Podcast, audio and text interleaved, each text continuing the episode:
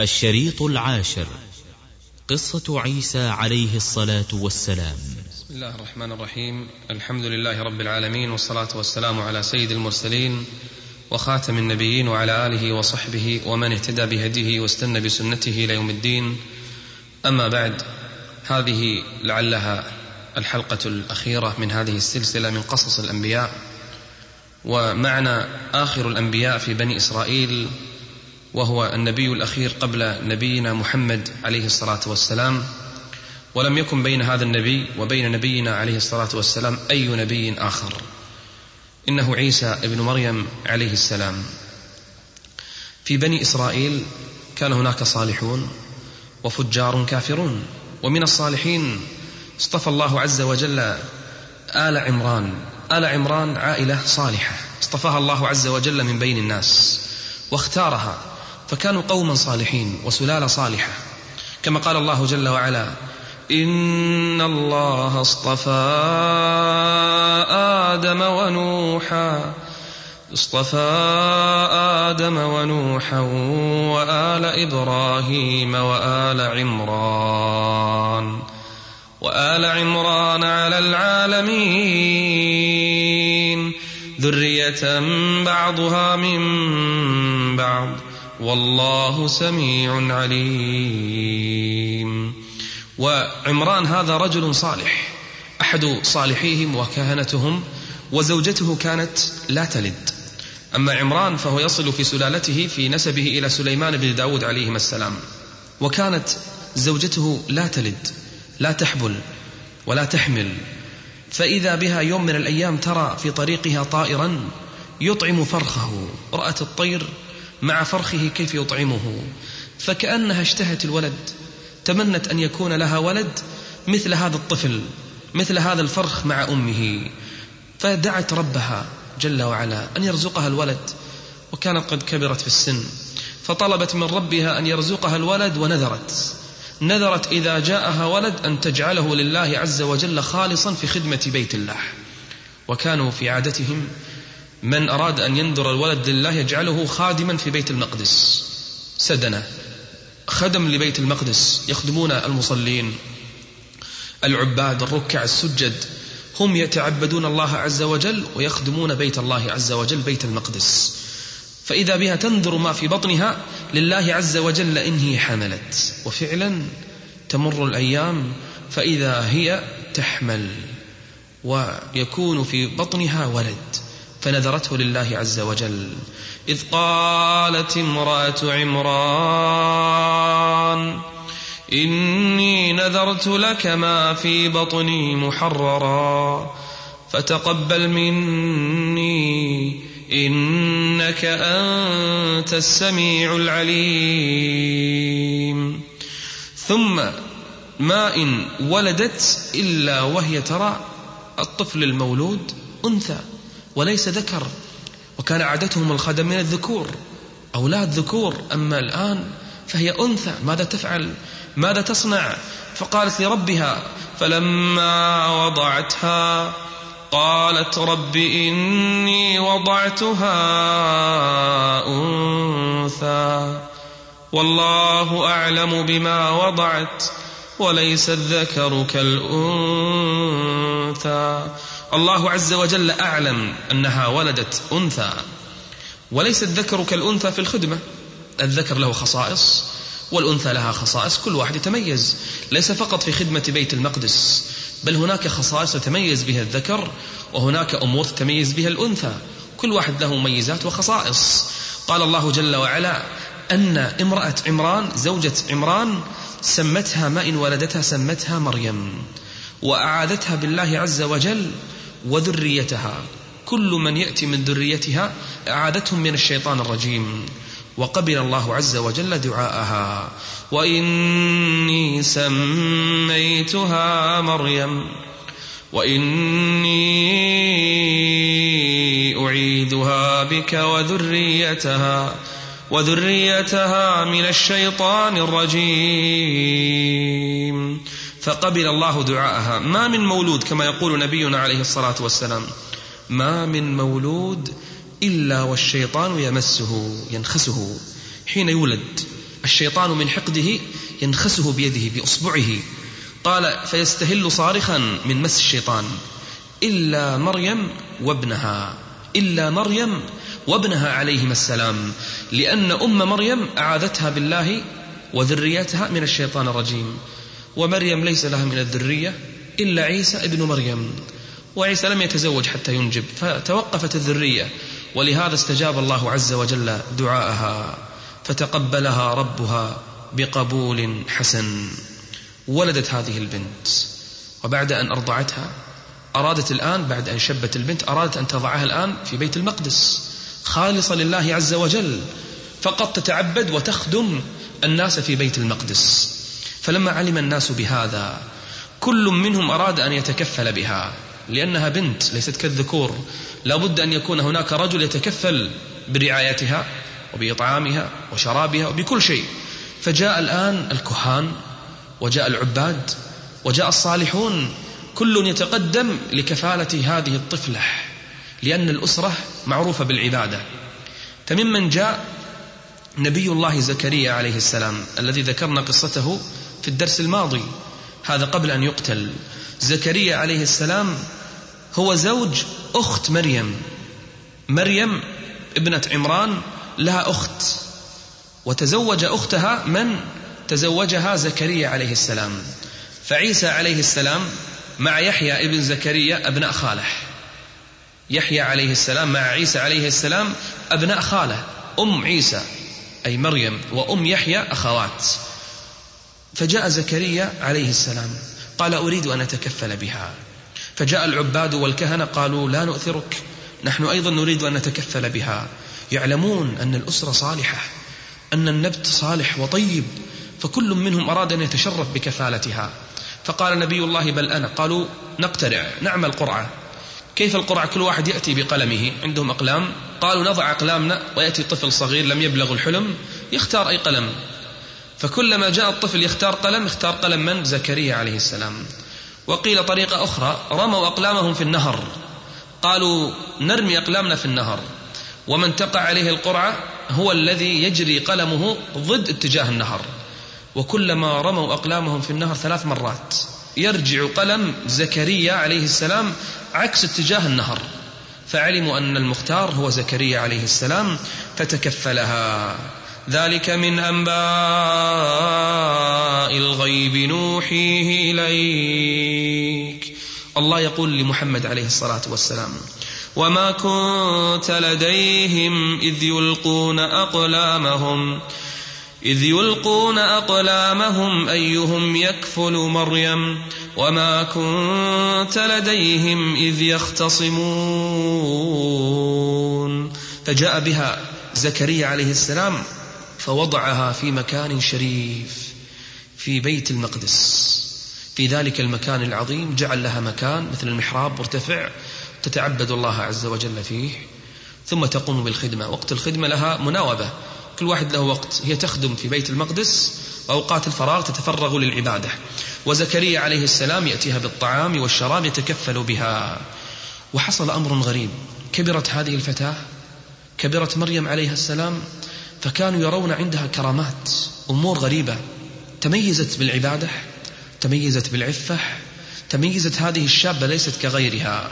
وكان كلما دخل عليها زكريا يريد أن يأتيها بالطعام يجد عندها طعام والأمر غريب. طعام الشتاء بالصيف وطعام الصيف بالشتاء. فسألها زكريا عليه السلام من أين لك هذا؟ من يأتيك بالطعام؟ فقالت لا أحد. قال كيف؟ قالت هو من عند الله. كلما دخل عليها زكريا المحراب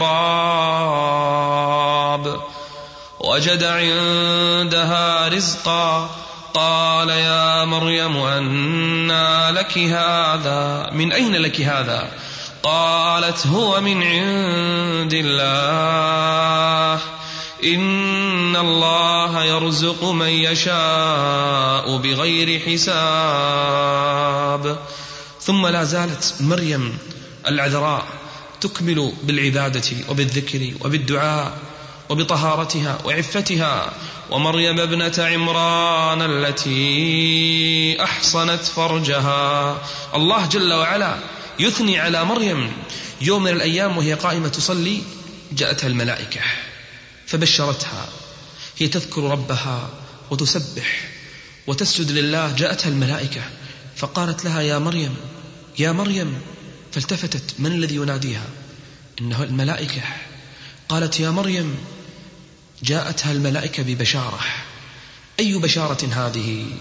قالت الملائكة يا مريم إن الله اصطفاك. الله جل وعلا اختارك من بين الناس. إن الله اصطفاك وطهرك واصطفاك على نساء العالمين. اصطفاها الله عز وجل مرتين وطهرها واختارها من بين نساء العالمين. فصارت من خير النساء واصطفاك على نساء العالمين. يا مريم اقنتي لربك واسجدي. واسجدي واركعي مع الراكعين. وثبت أن النبي عليه الصلاة والسلام قال خير نسائها مريم ابنة عمران وخير نسائها خديجة بنت خويلد.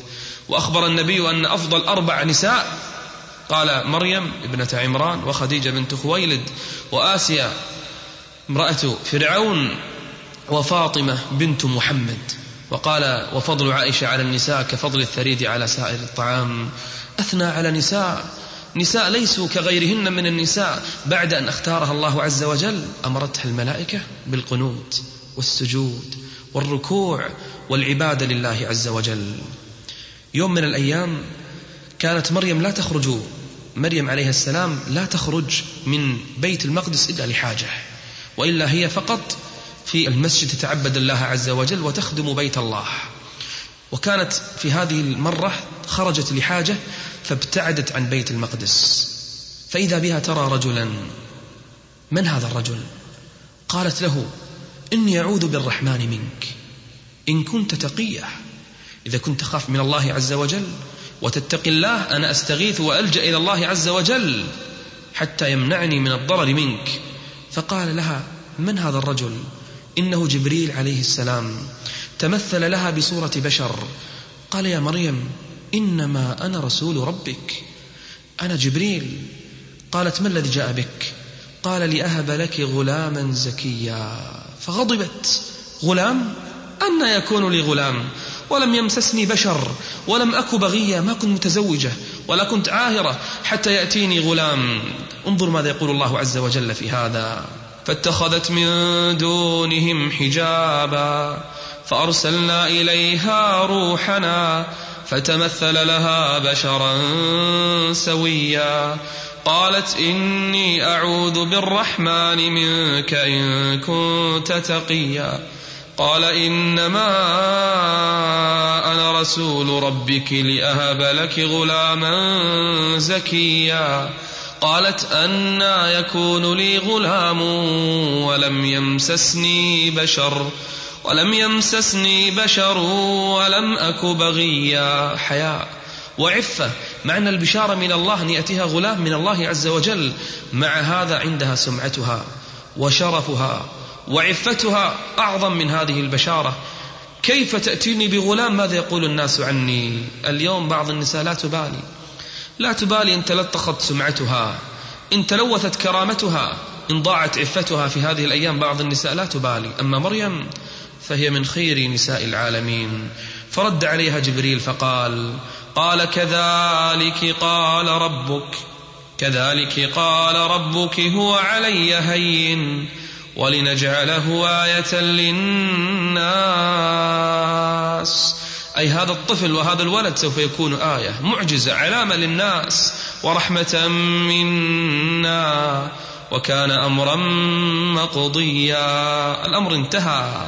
فنفخ جبريل في جيب درعها فنزلت النفخة إلى فرجها فحملت من فورها. كأنها حملت من من رجل. فلما حملت انتبذت به مكانا قصيا. صارت لا ترى الناس ولا الناس يرونها. فجاءت يوم من الأيام فوجدت من؟ أم يحيى أختها. وكانت قد حملت مثلها بيحيى في هذا الوقت. يحيى ابن من؟ ابن زكريا. قالت يا أختي أنت حامل؟ قالت نعم. فقالت أم يحيى أنت كذلك يا مريم كأنك قد حملت. فقالت لها نعم. فقالت أم يحيى أخت مريم قالت إني أرى ما في بطني يسجد لما في بطنك. تعظيما وتشريفا كان في شرعهم جائز السجود من باب التكريم. أما في شرعنا لا يجوز. قالت كأني أرى ما في بطني يسجد لما في بطنك فضمتها وعانقتها وأخذت تبكيان مصدقا بكلمة من الله. أما زكريا شك بالأمر. شعر بها. مريم العذراء مريم التي انتشر صيتها بين الناس العفيفة الطاهرة حملت. الله أكبر. ما الذي جرى؟ ما الذي حصل؟ فجاء زكريا يوم من الأيام نبي الله فجلس عندها فأخذ يلمح لها. قال لها يا مريم هل يكون زرع من غير بذر؟ هل يمكن أن يكون زرع من غير بذر؟ فقالت له نعم فمن خلق الزرع الأول؟ أول زرع على وجه الأرض من خلقه؟ كأنها فهمت ماذا يريد بسؤاله وردت عليه بصدق قالت نعم يمكن أن يكون هذا. قال لها سؤال ثاني قال فهل يكون ولد من غير ذكر من غير أب يعني؟ قالت نعم إن الله خلق آدم من غير ذكر ولا أنثى. فقال لها أخبريني خبرك يا مريم. أخبريني بهذا الحمل. قالت يا نبي الله إن الله بشرني. قال بما بشرك يا مريم؟ قالت بشرني بكلمة منه اسمه المسيح. بكلمة منه اسمه المسيح عيسى ابن مريم وجيها في الدنيا والآخرة ومن المقربين.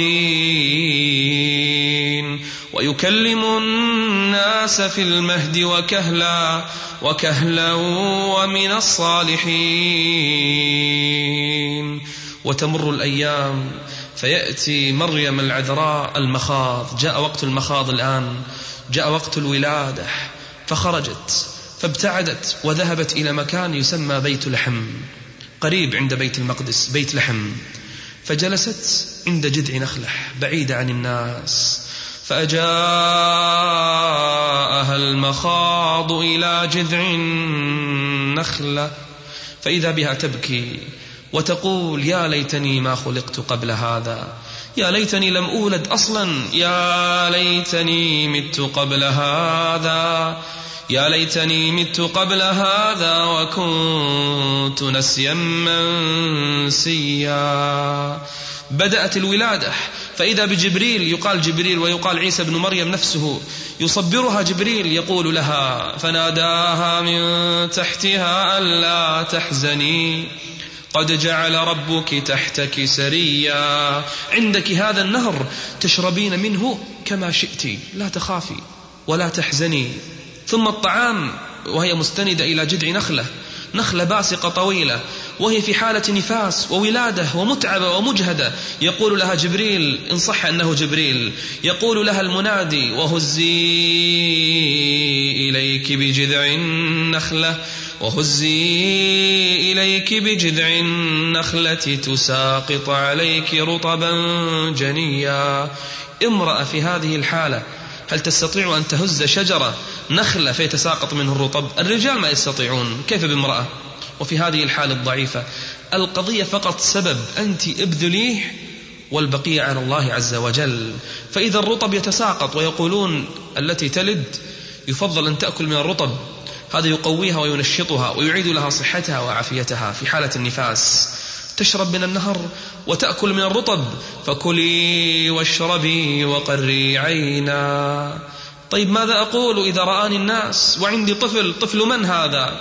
قال لها فإما ترين من البشر أحدا فقولي إني نذرت للرحمن صوما فلن أكلم اليوم إنسيا. أي لن أتكلم أنا نذرت للرحمن أنني صائمة صائمة عن الكلام. فإذا بها تمشي بيدها طفل. يقولون بعد النفاس يقول نفس الوقت افتقدوا مريم عليه السلام. يبحثون عنها. فوجدوها بعد أيام قد أتتهم والغريب أنها تحمل طفلا والناس يكبرون ما الذي جرى؟ ما الذي حدث؟ مريم مريم ولدت وهي لم تتزوج. لا إله إلا الله ما الذي حدث؟ ما الذي جرى؟ فأتت به وهي تحمل الطفل. قالوا يا مريم يا مريم ماذا فعلت؟ لقد جئت شيئا فريا ورآها قوم سوء اتهموها قال هذا شيء فري هذا شيء عظيم جريمة كبرى. ما كان أبوك يا أخت هارون وذكروها بهارون أخ من إخوانها؟ وقالوا أحد العباد وقالوا أخ من إخوانها. يا أخت هارون وكان هارون عابدا صالحا. ما كان أبوك امرأ سوء؟ يعني أبوك من العباد. وما كانت أمك بغية أمك طاهرة عفيفة. كيف فعلت هذا الفعل؟ فأشارت إلى الطفل الرضيع الذي للتو ولد. فقالوا يعني كيف نكلم من كان في المهد صبيا؟ أيضا فعلت هذه الجريمة الكبرى. وما تريدين أن تكلمين وتشيرين إلى طفل رضيع يا مريم قولي غير هذا. افعلي غير هذا الفعل. تشيرين إلى طفل رضيع وأنت جئت بجريمة وبشيء فري بشيء عظيم. فإذا بهذا الرضيع ينطقه الرب جل وعلا والناس يستمعون. طفل رضيع للتو ولد. تخيلوا هذا المنظر. وماذا يقول؟ كلام من أفصح الكلام. يقول عيسى بن مريم قال إني عبد الله. أول كلمة قالها إني عبد الله. لا ترفعوني أكثر من هذه المنزلة. أنا أتشرف بأنني عبد لله. قال إني عبد الله آتاني الكتاب وجعلني نبيا. وجعلني مباركا أينما كنت وأوصاني بالصلاة والزكاة ما دمت حيا وبرا بوالدتي حتى يهون على أمه حتى يهون على مريم عليه السلام. قال وبرا بوالدتي ولم يجعلني جبارا شقيا. والسلام علي يوم ولدت ويوم أموت ويوم أبعث حيا. الله أكبر. من هذا الذي ينطق ذلك عيسى بن مريم؟ قول الحق الذي فيه يمترون. ثم قال ما كان لله أن يتخذ من ولد سبحانه. إذا قضى أمرا فإنما يقول له كن فيكون. وإن الله ربي وربكم. يقول عيسى لهم الآن وهو رضيع. وإن الله ربي وربكم فاعبدوه. هذا صراط مستقيم.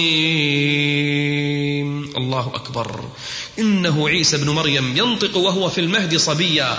يتكلم للناس أنني سأكون نبي وسوف يوحى إلي وأدعوكم لعبادة الله وحده.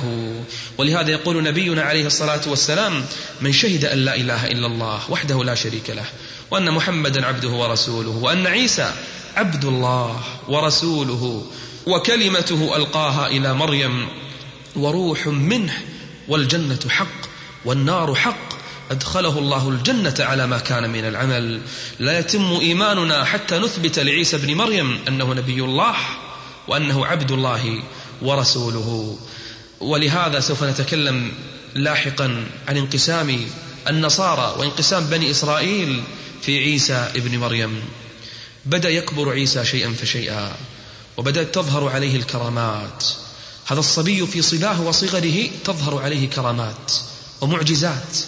يثني على الله دوما. يقولون وهو رضيع. في المهد كان دائما يسبح الله ويثني على ربه ويمجد الله عز وجل وهو رضيع في المهد. قبل أن يفعل أي شيء لسانه ينطق من أول أيامه بالثناء على الله عز وجل وتمجيده وتسبيحه. يقولون أنه ظهرت معجزات في بلاد كثيرة. لولادة عيسى بن مريم حدث أمر غريب في الأرض. ويقولون تجمعت الشياطين. في ذلك المكان تنظر ما الذي جرى. فصدتهم الملائكة. ومنعتهم الملائكة. يريدون أن ينظروا ما الذي يجري. ما الذي يحدث؟ نور. نور عند مريم. من أين يأتي هذا النور؟ إنه عيسى بن مريم. أما اليهود قبحهم الله جزء من بني إسرائيل فقد كفروا به. وسبوا مريم. وشتموها. واتهموها بالزنا. وأصروا على كلامهم القبيح. قالوا هذه بغي. وجاءت به من زنا. بدأت المعجزات تظهر على يد عيسى منذ الصغر وازداد اليهود حقدا وأرادوا به وبأمه سوءا. فنجاهم الله عز وجل. وجعلنا ابن مريم وأمه آية وآويناهما إلى ربوة ذات قرار ومعين. نجاهم الله عز وجل من اليهود. عيسى لما كبر بدأ يصور للناس يأتيهم بالطين فيجعل الطين على هيئة طير على شكل طير. فإذا به ينفخ فيصير طيرا يطير بإذن الله عز وجل. يحيي الموتى بإذن الله وينفخ في الطين فيصير طيرا بإذن الله ليس من عنده.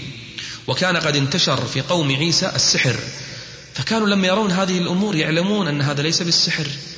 هذا لا يمكن أن يكون سحرا. هذه قدرة إلهية معجزة من عند الله عز وجل.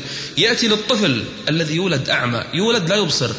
فيمسح على وجهه فيبصر مرة أخرى. يبصر كأنه ليس به بأس. ويأتي للأبرص. يولد أبرص. جلده برص. يمسح على جسمه فيرجع جلده كما كان. الله أكبر. يوم من الأيام كان يمشي عيسى بن مريم. فوجد امرأة عند قبر تبكي. تبكي هذه المرأة. فقال لها عيسى بن مريم قال يا أمة الله لم تبكين؟ قالت له ماتت ابنتي وكنت أحبها حبا جما فأقسمت ألا أغادر قبرها إلا ميتة. إما أموت أو أراها ترجع بعد موتها أراها حية. إما أن أراها حية أو أموت فأدفن عندها. فقال لها عيسى بن مريم أرأيت أن أرجعت لك هذه البنت؟ أكنت تصدقين؟ قالت نعم. فإذا بعيسى بن مريم يقول للميت في قبرها أخرجي من قبرك. قال لها مرة ثانية أخرجي من قبرك. فقال لها مرة ثالثة أخرجي من قبرك ثلاث مرات فانشق القبر عنها. وخرجت البنت بنت هذه الأم قد شاب شعرها وسقط شعر حاجبها وهي خائفة وجلة. فقال لها عيسى بن مريم ما الذي أخرك؟ قالت سمعت صيحة أولى فأعاد الله عز وجل خلقي. فسمعت صيحة ثانية فنزل عند رأسي ملك. فسمعت صيحة ثالثة فرجعت الروح إلي فقمت وظننت أن الساعة قد قامت فشاب شعري فزعا. فقالت لأمها أمها فزعت وخافت لكنها فرحت برجوع ابنتها. قالت يا أماه اصبري اصبري واحتسبي.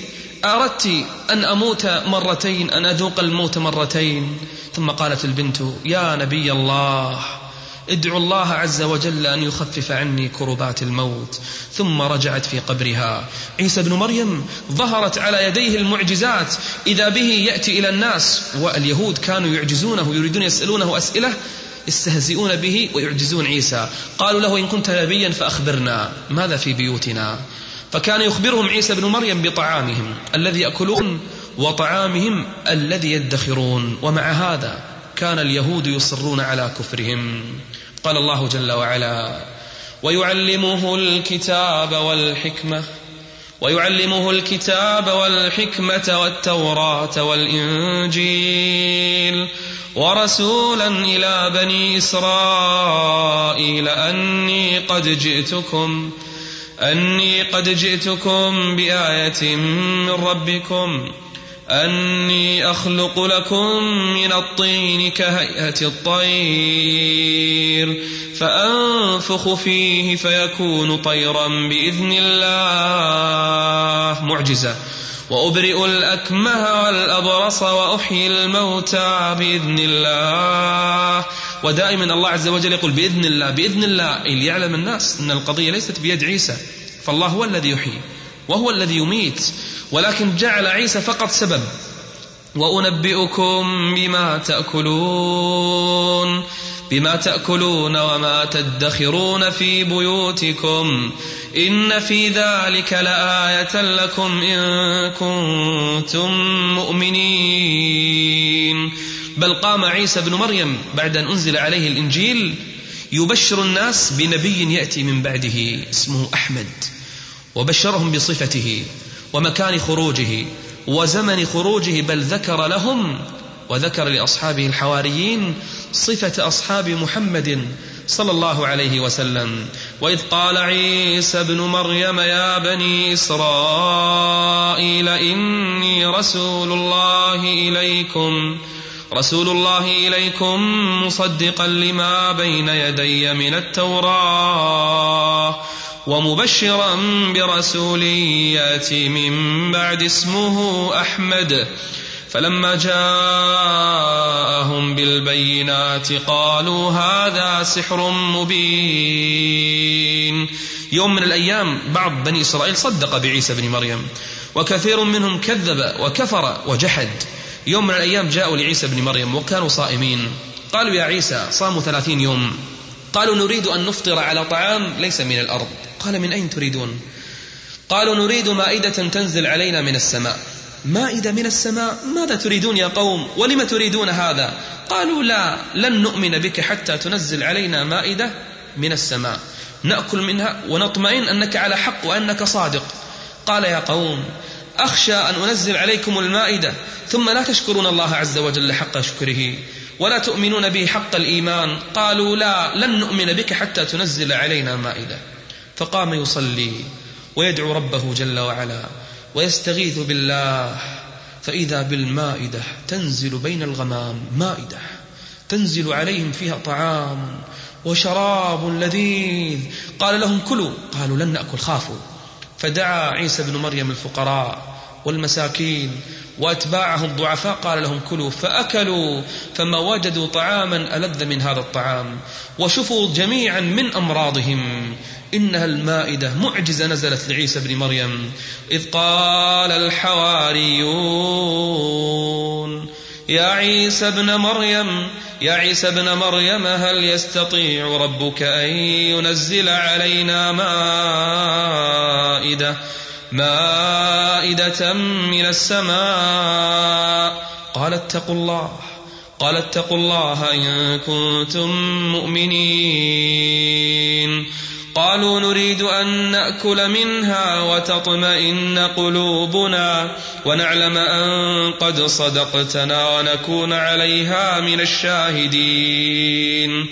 قال عيسى ابن مريم اللهم ربنا انظر أتباع محمد عليه الصلاة والسلام ما طلبوا منه المعجزات.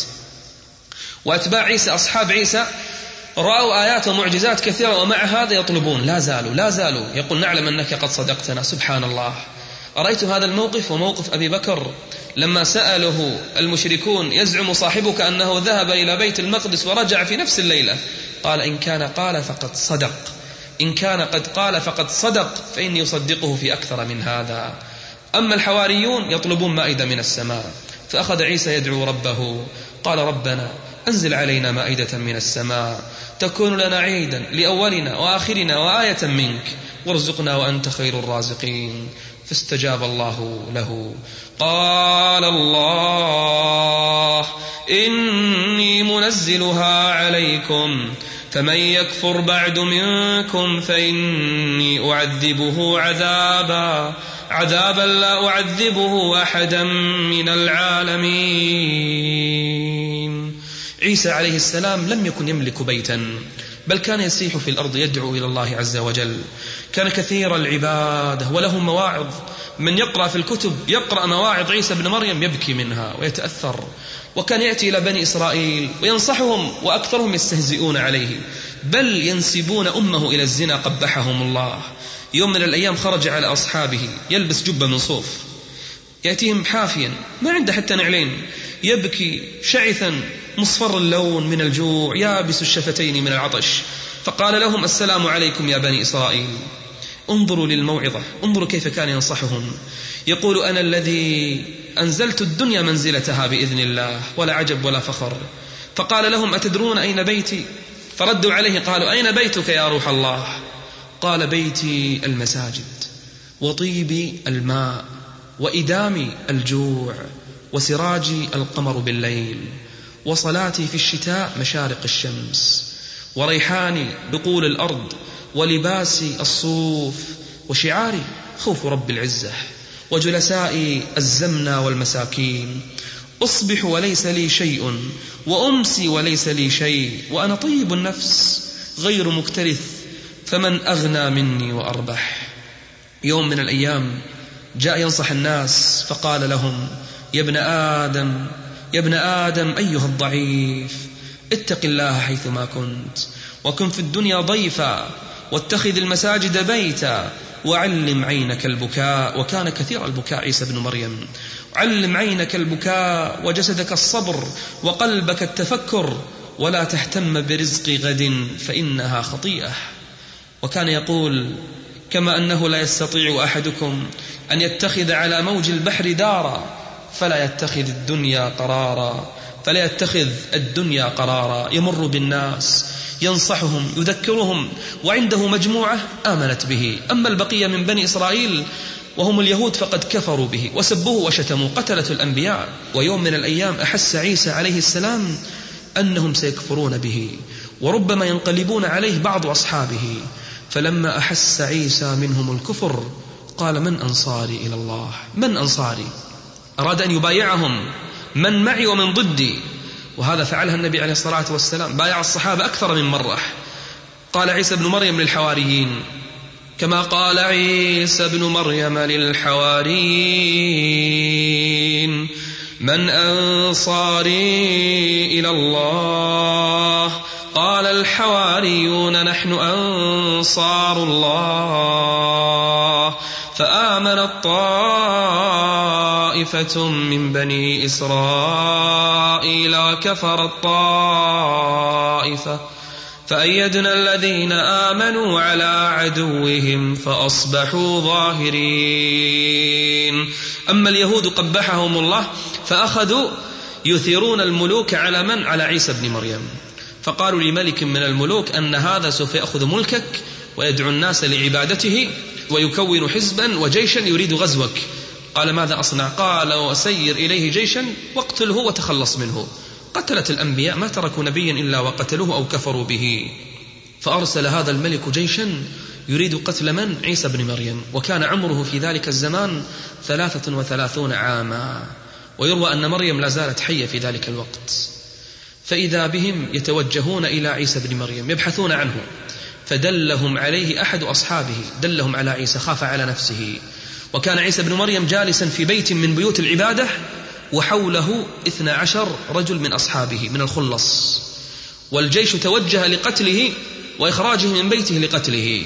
فقال لأصحابه من منكم يتبرع أن يخرج إليهم فيلقي الله عز وجل عليه شبهي فيموت بدلا عني ويكون صاحبي في الجنة فما قام أحد إلا أصغر القوم.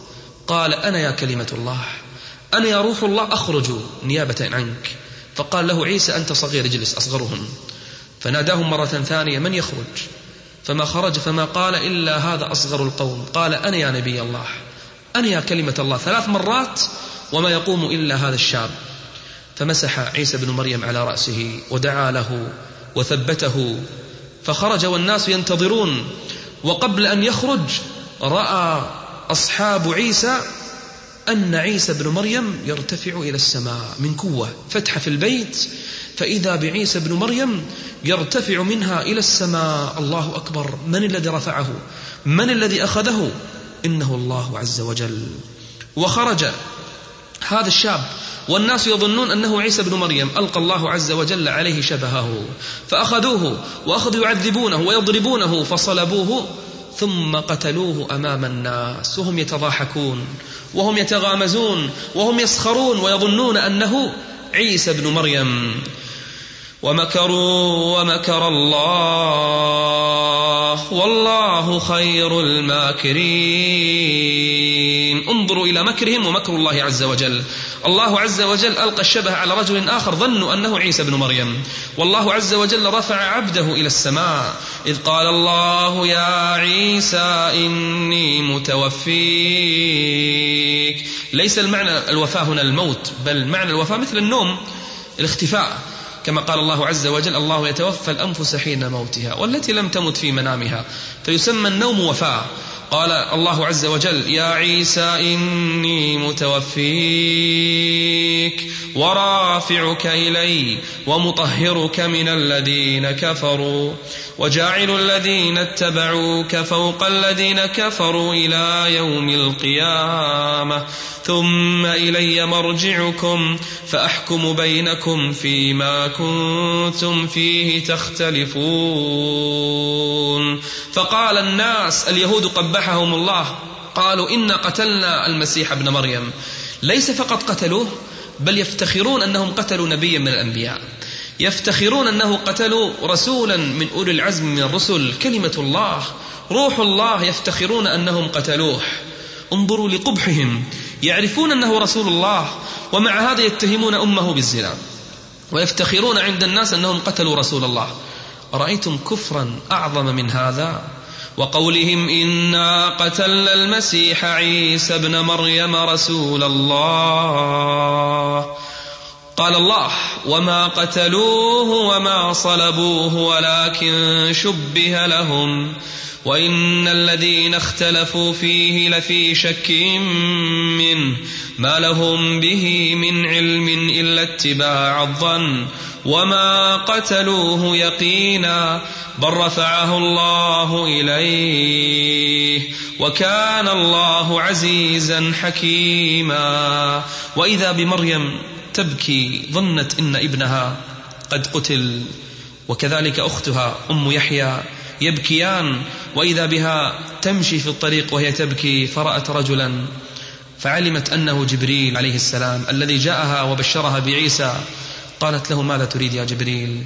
قال لها أبشري أبشري يا أم عيسى فإن عيسى لم يقتل. قالت بل قتل. قال لا هذا شبهه أما ابنك فهو حي. رفعه الله عز وجل في السماء. رفعه الله عز وجل في السماء. وما قتلوه وما صلبوه. ولكن شبه لهم. عيسى بن مريم ارتفع إلى السماء ورأسه يقطر. كأنه يقطر منه الماء. كأنه للتو خرج من حمام قد اغتسل. يقطر من رأسه الماء. يصفه النبي عليه الصلاة والسلام يقول متوسط الطول ربعة يعني متوسط الطول أحمر كأنه خرج من ديماس يعني كأنه خرج من حمام يقطر رأسه يقطر بالجمان عريض الصدر عليه السلام. وسوف يأتي يوم عيسى ما مات عليه السلام. سوف ينزل إلى الأرض مرة أخرى. وربما ندركه. ما جاء بعد عيسى نبي اختلف الناس بعده وانقسم الناس. فمنهم منهم من قال أن عيسى ابن مريم ابن الله. تعالى الله عما يقولون علوا كبيرا.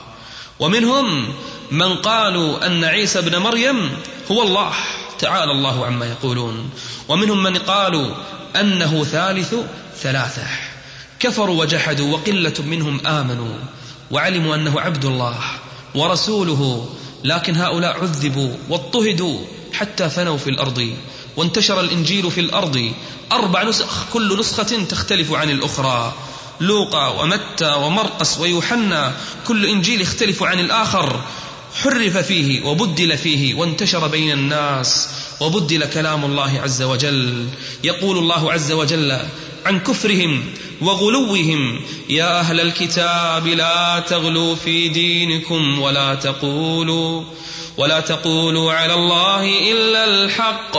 إنما المسيح عيسى ابن مريم رسول الله. رسول الله وكلمته ألقاها إلى مريم وروح منه فآمنوا بالله ورسله ولا تقولوا ثلاثة. انتهوا خيرا لكم. إنما الله إله واحد سبحانه أن يكون له ولد. له ما في السماوات وما في الأرض. وكفى بالله وكيلا. وقال الله عز وجل عن طائفة منهم إنه ابن الله. وقالت اليهود عزير ابن الله. وقالت النصارى المسيح ابن الله. ذلك قولهم بأفواههم يضاهئون قول الذين كفروا من قبل. قاتلهم الله. أنا يؤفكون. وطائفة قالت أن عيسى بن مريم هو الله. أعوذ بالله من كلامهم. لقد كفر الذين قالوا إن الله هو المسيح ابن مريم. قل فمن يملك من الله شيئا إن أراد أن يهلك المسيح ابن مريم؟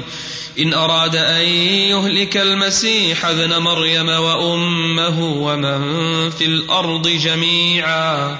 ولله ملك السماوات والأرض وما بينهما يخلق ما يشاء والله على كل شيء قدير. بل أخبر الله عز وجل عن كلامهم أن السماوات لا تطيقها ولا الجبال ولا الأرض. وقالوا اتخذ الرحمن ولدا. لقد جئتم شيئا إدا. تكاد السماوات يتفطرن منه. وتنشق الأرض وتخر الجبال هدا أن دعوا للرحمن ولدا. بل إن عيسى بن مريم سوف ينزل آخر الزمان ويكون على يديه قتل الدجال وربما نرى عيسى بن مريم كما وصفه النبي ينزل على جناحي ملك عند المنارة الشرقية بدمشق يقولون هو الجامع الأموي الآن في دمشق. والناس يستوون لصلاة الفجر. ينزل عيسى بن مريم ويصلي خلف المهدي تكرمة لهذه الأمة. ثم يقود الجهاد في سبيل الله. ثم يقتل الدجال في فلسطين يقتله برمحه. ثم يقيم العدل في الأرض وينشر الدين ويقتل الخنزير ويكسر الصليب ويضع الجزية. ليس هناك إلا إيمان أو قتال. ويؤمن به كثير من النصارى آخر الزمان. وإن من أهل الكتاب من أهل الكتاب إلا ليؤمنن به قبل موته ويوم القيامة يكون عليهم شهيدا. ذلك عيسى بن مريم قول الحق الذي فيه يمترون. اختلفوا فيه فويل للذين كفروا. من مشهد يوم عظيم. الناس فيه ثلاث طوائف. منهم من غلا فيه فأوصله إلى مقام الربوبية والألوهية أو جعله ابن الله. هؤلاء القوم غلوا بعيسى بن مريم. ومنهم من جحدوا نبوته ورسالته واتهموه واتهموا أمه وهم اليهود قبحهم الله. أما المسلمون فقد توسطوا به فقالوا هو عبد الله وهو رسول الله وكلمته وروح منه. لا يتم إيمان مؤمن إلا بالإيمان بعيسى بن مريم بأنه رسول من الرسل بل من أولي العزم من الرسل. ثم قفل باب الرسالات وقفل باب النبوة سنين وقرون طويلة حتى بعث خاتم الأنبياء والرسل وسيد الأولين والآخرين نبينا محمد عليه الصلاة والسلام. أما حياته أما قصته فهي تستحق أن تكون سلسلة أخرى. وباب آخر لعلنا نتحدث عنه في حينه. نقف عند هذا الحد. ونسأل الله جل وعلا أن يجمعنا وإياكم في مستقر رحمته مع النبيين والصديقين والشهداء والصالحين. إنه ولي ذلك والقادر عليه. وصل الله وسلم على نبينا محمد وعلى آله وصحبه أجمعين والحمد لله رب العالمين. وتقبلوا تحيات إخوانكم بمؤسسة اليقين المؤسسة الإسلامية للإنتاج الإعلامي والتوزيع. هاتف رقم ستة صفر خمسة ستة ستة ستة تسعة فاكس ستة صفر خمسة واحد واحد واحد صفر.